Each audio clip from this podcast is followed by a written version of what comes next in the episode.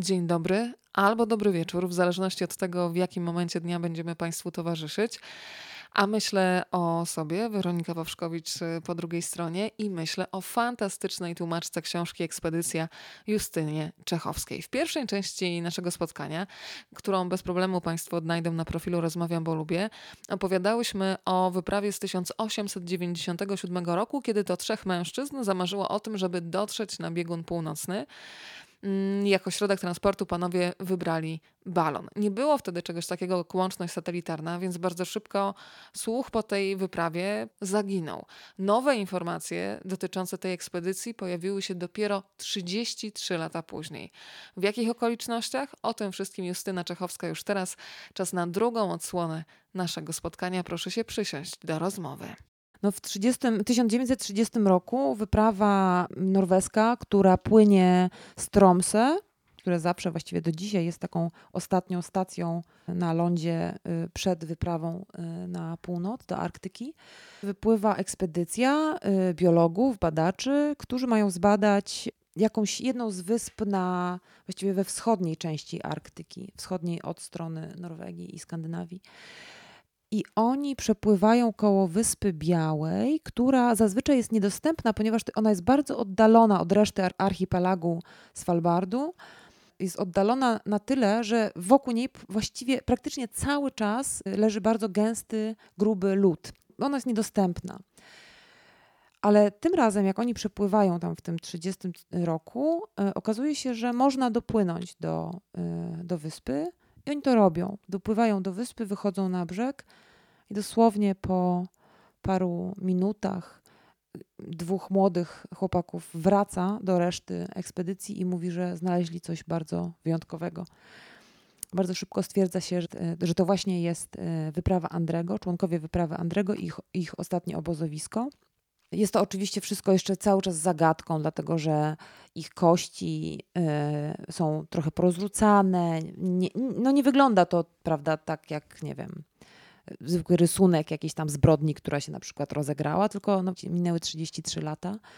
Ich y, poszczególne rzeczy są rozrzucone, bo oczywiście wiadomo, że po wyspie grasowały, y, grasowały niedźwiedzie polarne.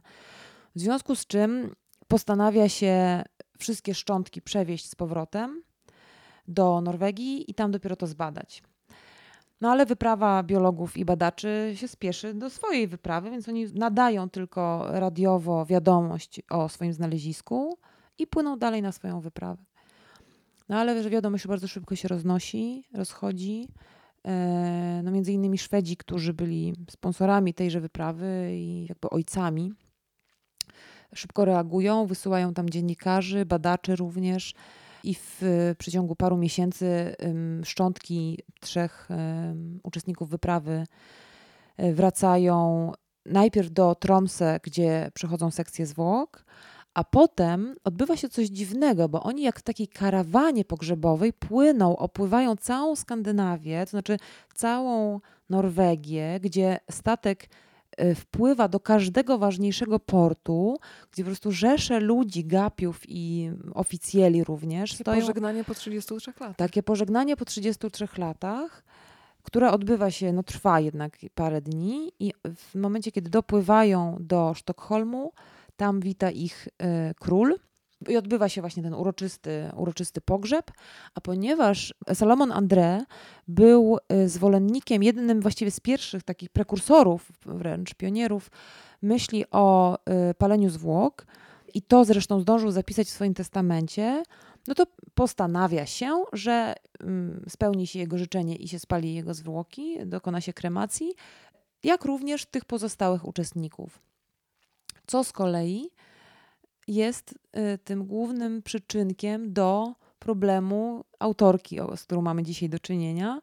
No bo wiemy świetnie, że gdyby ona miała dostęp przynajmniej do jednego kawałka kości któregoś z nich, no kawałka 10-centymetrowego, to mogłaby z łatwością zbadać przyczynę śmierci za pomocą badań DNA.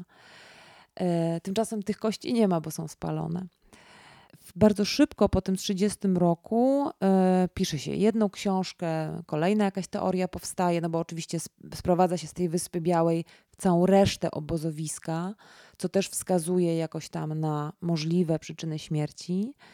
I po jakimś czasie powstaje Muzeum e, Andrego i całej tej wyprawy w mieście, z którego on pochodził, w Grenie w centralnej e, Szwecji. Dla mnie też jest poruszający ten moment, kiedy sama aktor, autorka Bea Usma dociera na Wyspę Białą po wielu próbach Mhm. I taki moment poszukiwania, gdzie kiedy człowiek czyta, zaczyna się zastanawiać, to niemożliwe, żeby oni coś znaleźli jeszcze. Ale z drugiej strony łapie się na tym, że czytam i kibicuję. I dla mnie ta opowieść jest bardzo symboliczna, bo pokazuje, że nie zawsze jest istotny sukces na końcu, tylko próba podjęcia jakiegoś Tak. działania. Że to życie, intensywność życia polega na tym, że podejmuję próbę z pełnymi konsekwencjami. Uda Mhm. się czy nie, ale stać mnie na to i mam odwagę spróbować i móc sobie powiedzieć, że zrobiłam wszystko, żeby sprawdzić. Tak, tak. To jest właśnie fascynujące. Ta książka, mnie dlatego ta książka zafascynowała, bo ona, ją się czyta jak kryminał, co już przyznało paru czytelników moich znajomych tutaj w Polsce. To się czyta jak e, książkę naukową, bo jednak e, ja podczas pracy nad nią miałam kontakt zarówno z Polarnikiem, Mikołaj Golachowski. tak, z Mikołajem Golachowskim, jak i z kolegą, który jest lekarzem i który y, sprawdzał tą część książki, gdzie raporty z sekcji zwłok są p- podane. Więc to się, to mam nadzieję, że to jest na tyle dobrze zrobione teraz, że, że da się doczytać również jako taką paranaukową, powiedzmy, książkę, czy wręcz naukową w momentami. No i jest to jakiś, jakoś tam reportaż, nie? Również. I to taki reportaż w trzech odsłonach, bo tak jak wspomniałyśmy, to jest reportaż o wyprawie z 1897 roku, to jest reportaż o odkryciu szczątków po wyprawie w 1930 i jest to reportaż o, Współczesny, o o współczesny, o ósmie. tak, tak. A powiedz jeszcze taką rzecz, bo mnie bardzo też fascynował. Odkrywam w ogóle dzięki tej książce nowe miejsca, że istnieje coś takiego jak zakład konserwacji tekstyliów, gdzie y, znowu przypominają mi się te słowa, że jesteśmy epizodami w życiu przedmiotów, bo okazuje się, że przedmioty zostały. Myślę o fragmentach kalesonów, kurtki y, i o tym niech Państwo przeczytają, nie powiem co, ale o tym, co wypada z jednej z rękawic, że to okazuje się trwalsze i z pieczołowitością odtwarzane i do dzisiaj można zobaczyć elementy garderoby członków tej ekspedycji. Tak. Chociaż y, są one wyprane, naprawione, prawda? I, I wyglądają zupełnie inaczej. W związku z tym B i ósmie akurat zupełnie nie posłużyły do mm, odkrycia prawdy. Ale myślę, że to mm, jak y, zobaczyć to, nawet jeżeli w gablocie, ale zobaczyć to i, i wyobrazić sobie tą taką, y, taki lipiec na środku lodu, kiedy jest może plus jeden stopień, ale odczuwalna temperatura przy takim wietrze to jest minus pięć i dookoła właściwie panuje mgła. To, to jest takie dla mnie przerażające, że a oni mieli na sobie właściwie tylko jakieś wełniane marynarki, nie? E, I dziergane, jakieś kamasze i dziergane rękawice. A powiedz, jak w ogóle pracujesz nad taką książką? Zastanawiam się, czy jest taki moment, kiedy siadasz do książki, dostajesz tekst i czujesz, że to będzie frajda, a nie tylko zawodowy obowiązek. Kiedy czujesz, że zostałaś wciągnięta przez ten biegun. No ja zostałam wciągnięta przez, przez tę książkę już wcześniej, jak ona tylko wyszła w Szwecji, y, ukazała się w ty- 2013 roku. Chciałam zobaczyć, co to jest, bo to był bardzo głośny debiut y, w dziedzinie reportażu i ją przeczytałam i od razu pomyślałam sobie, kurczę, no trzeba to zrobić, trzeba to zrobić.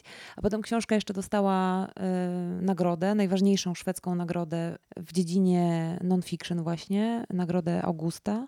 No i chodziłam i namawiałam. W końcu udało się namówić marginesy do, y, do tej książki. Więc ja już byłam jakby gotowa. Ja wiedziałam, z czym się mierzę, siadając do, do tego. Chociaż to jest jednak trochę inaczej. Jak się czyta i rozumie, a potem trzeba przeczytać to jeszcze dwa razy i dwa razy bardziej zrozumieć, tak żeby móc to przetrawić przez siebie i, i, y, i potem napisać po polsku y, dobry tekst. Przeżyłam tę książkę. Ja ją tłumaczyłam jesienią. E, chociaż jesień była momentami bardzo piękna i ciepła i być może złota Polska, to ja jednak pamiętam e, tę jesień jako taką mglistą, zimną, prawda? Przejmujące jest to zimno, jeszcze nie ma się wystarczających ubrań, bo jednak tak sugestywnie jest to wszystko opisane, że jednak człowiek się bardzo, ja przynajmniej jestem taką tłumaczką, że się bardzo wczuwam w to wszystko. To jest pierwsza w ogóle książka non-fiction, którą ja przetłumaczyłam. Więc bałam się, że tych takiej ekspertyz i, i y, badania, sprawdzania różnych rzeczy będzie dużo więcej. ale okazało się, że jest sporo jednak pomocy. Z pomocą dużą przyszła mi Ilona Wiśniewska również, która na Spitsbergenie mieszkała. Ona mieszka, prawda? Czy, ona już nie mieszka, ona mhm. mieszka chyba teraz w Tromsø, ale przez 4 lata mieszkała w, na Spitsbergenie i na przykład ona pomagała mi w zdobyciu nazw wysp i tych wysepek i przylądków najróżniejszych, bo ich nie ma na żadnej mapie, która w Polsce jest dostępna, ani w, polskim, w polskiej otchłani internetu. Więc Ilona mi tutaj bardzo pomogła. Pomogła też, e, no ona jednak zna się również na przyrodzie tamtejszej, e, więc pomogła mi sporo. W ogóle, nawet, nawet jeżeli to nie jest tak, że ktoś mi podpowie jakieś słowo, to ponieważ sama nie, e, nie wybieram się na razie ani na biegun północny, ani na Spitsbergen, to obcowanie przez chwilę chociażby z osobą, która tam była i to zna, już jakoś tam przybliża mnie do, do tej historii, którą tłumaczyłam wtedy. No. A powiedz, jak jest, y, już pytam o takie typowe rzemiosło tłumacza. Zdarzają ci się takie momenty, kiedy nie możesz znaleźć słowa, czyli coś, co jest y, po szwedzku i norwesku jasne, nagle nie ma odpowiednika w języku polskim. Budzisz się w nocy, szukasz, wpada nagle do głowy, zapisujesz to gdzieś. Jak mhm. to wygląda? No, tak mi się zdarzyło, że obudziłam się w nocy.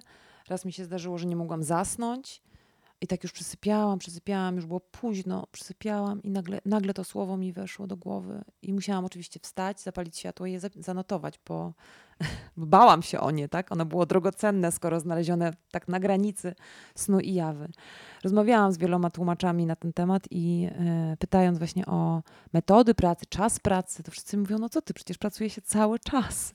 No bo to tak jest. Teraz taka świetna tłumaczka z, z rumuńskiego powiedziała mi, że ona najlepsze słowa przychodzą jej do głowy, jak zmywa naczynia. W związku z tym, kiedy wygrała nagrodę za, y, ona wygrała nagrodę za przekład tomu poetyckiego w konkursie Europejskiej Poeta Wolności i ja mówię to, co Janna, nie mogę ci życzyć zmywarki, tak, żebyś sobie kupiła zmywarkę za te pieniądze, bo najlepsze słowa przychodzą ci do głowy właśnie podczas zmywania.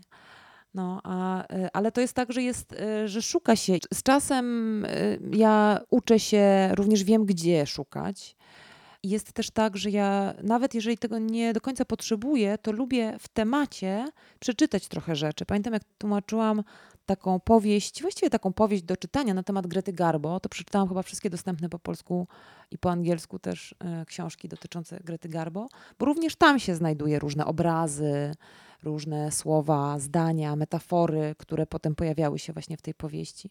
Także y, taki warsztat tłumacza to nie tylko słowniki najróżniejsze i encyklopedie, ale też literatura sama w sobie. Bo dużo rzeczy, znaczy ja się naj, najwięcej uczę o języku właśnie czytając i to czytając po prostu dobre przekłady. Justyna, to jest zawód pokory. Myślę o zawodzie tłumacza. Nie korcić się, żeby napisać coś pod swoim nazwiskiem, tak żeby na okładce była Justyna Czechowska, y, a potem na przykład na język norweski lub szwedzki przetłumaczy ktoś inny. E, mm, korci mnie. E, czasami coś pisuję i mam pomysł na książkę, o którym jeszcze nie będę mówić.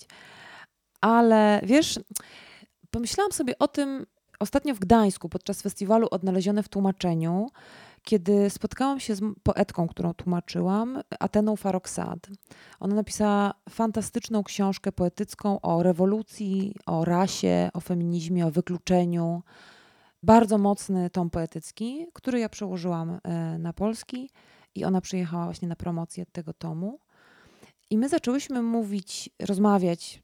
Ktoś prowadził z nami rozmowę odpowiadałyśmy, raz pytanie było do niej, raz do mnie i właściwie okazało się, że my z tej sceny w ogóle nie mówiłyśmy o poezji, w ogóle nie mówiłyśmy o tej książce, tylko mówiłyśmy o rzeczach dla nas najważniejszych, a jak się okazało, dokładnie te same rzeczy były dla nas ważne. I wtedy Atena też coś takiego powiedziała, że zdarza jej się tłumaczyć i na przykład tłumaczyła kilka amerykańskich poetek, działaczek, feministek a tłumaczyła to dlatego, że one napisały coś, co ona sama by chciała napisać. A ponieważ jest to już napisane, no to po co pisać drugi raz w tym samym języku, można przetłumaczyć. I ja wtedy sobie uświadomiłam, że na razie wszystko, co chciałabym powiedzieć, wszystko to, co mi się podoba, znajduję w szwedzkiej literaturze. I staram się te książki przełożyć. Więc jakby nie ma takiej przestrzeni, która wydaje mi się potrzebuje mojego głosu, tylko i wyłącznie mojego. Na razie bo wszystko właśnie to, co takie najcenniejsze dotychczas znajdowałam w szwedzkiej literaturze, a że przy okazji dzieje się dużo innych rzeczy, prawda, że autor albo autorka mogą przyjechać, że można z kimś się zaprzyjaźnić, że można jakiegoś czytelnika rozkochać w jakimś ważnym poecie, poetce ze Szwecji, prawda? No to, no to jest tam jeszcze wartość dodana. Więc to nazwisko na, moje na okładce nie jest tutaj dla mnie najważniejsze, tylko ten przekaz, który, który idzie e, za tłumaczem, razem z tłumaczem. Bardzo Ci dziękuję za to spotkanie. Dziękuję.